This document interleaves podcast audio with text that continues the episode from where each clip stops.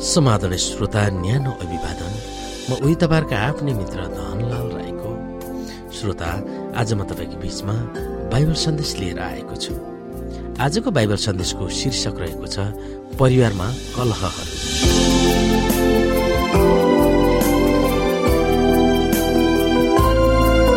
श्रोता साथी अनेकौं उतार चढावपछि आखिरमा याकुब कनान देशमा घरजम गरेर बस्दछ।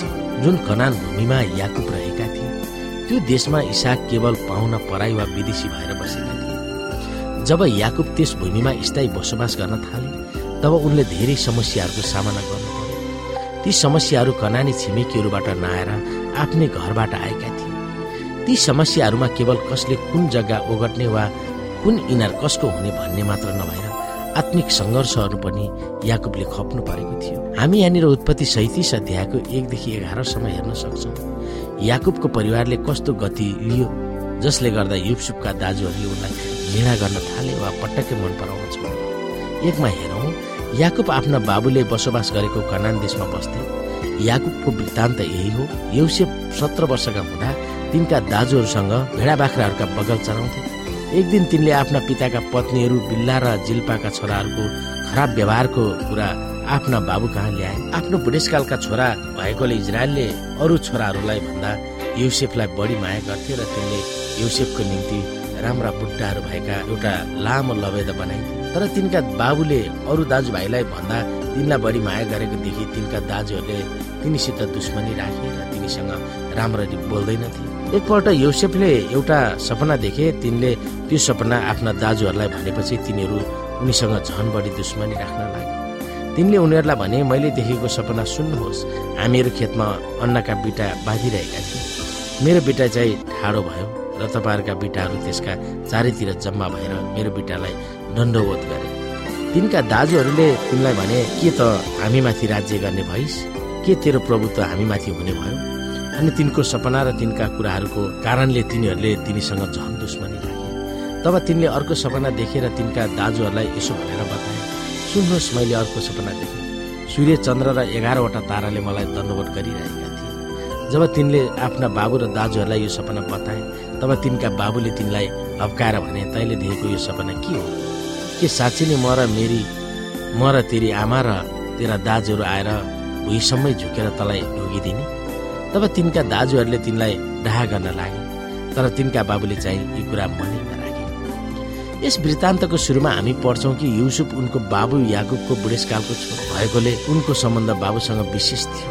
अरू दाजुहरूलाई भन्दा याकुबले उनलाई धेरै मन पराएका थिए। याकुबको प्यारो छोरो भएकोले उनले युसुफलाई विशेष कोट बनाएर पहिरहेका थिए। त्यो कोट विभिन्न रङहरू भएकोले आकर्षित कोट थियो। उनले लगाएको कोट राजकुमारले लगाउँथ्यो युसुफ जो कि आफ्नो मनपर्ने राहेलको छोरो भएकोले याकुबले मनमा नै उनलाई जेठा छोराको अधिकार दिने आशय भएको आवाज पाइन्छ।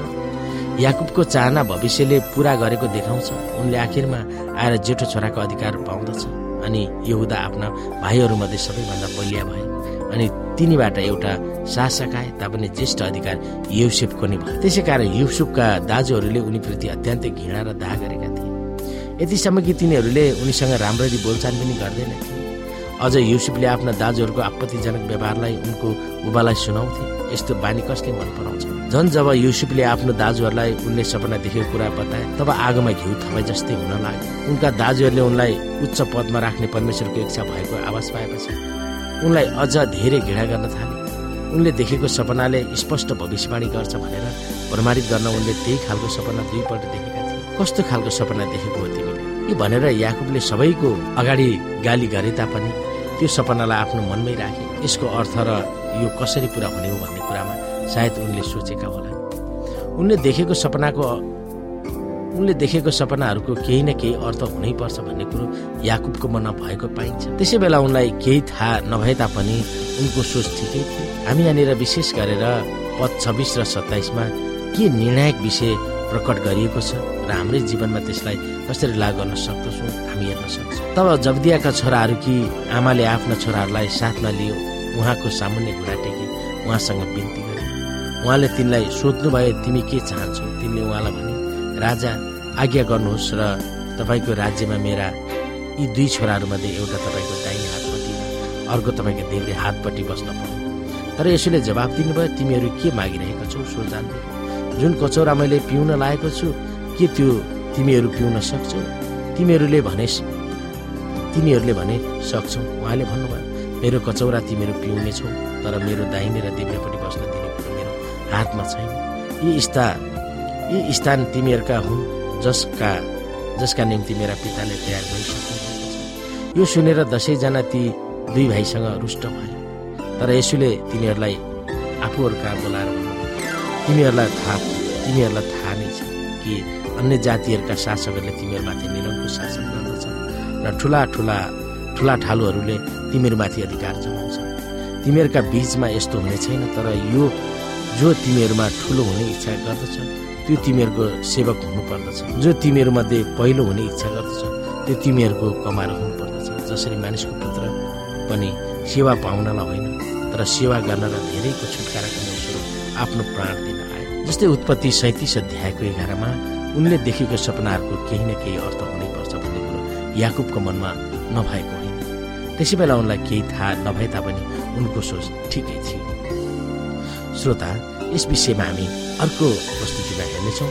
आजलाई भने बिदा हुन्छु। हस्त नमस्ते। जय मसिंह।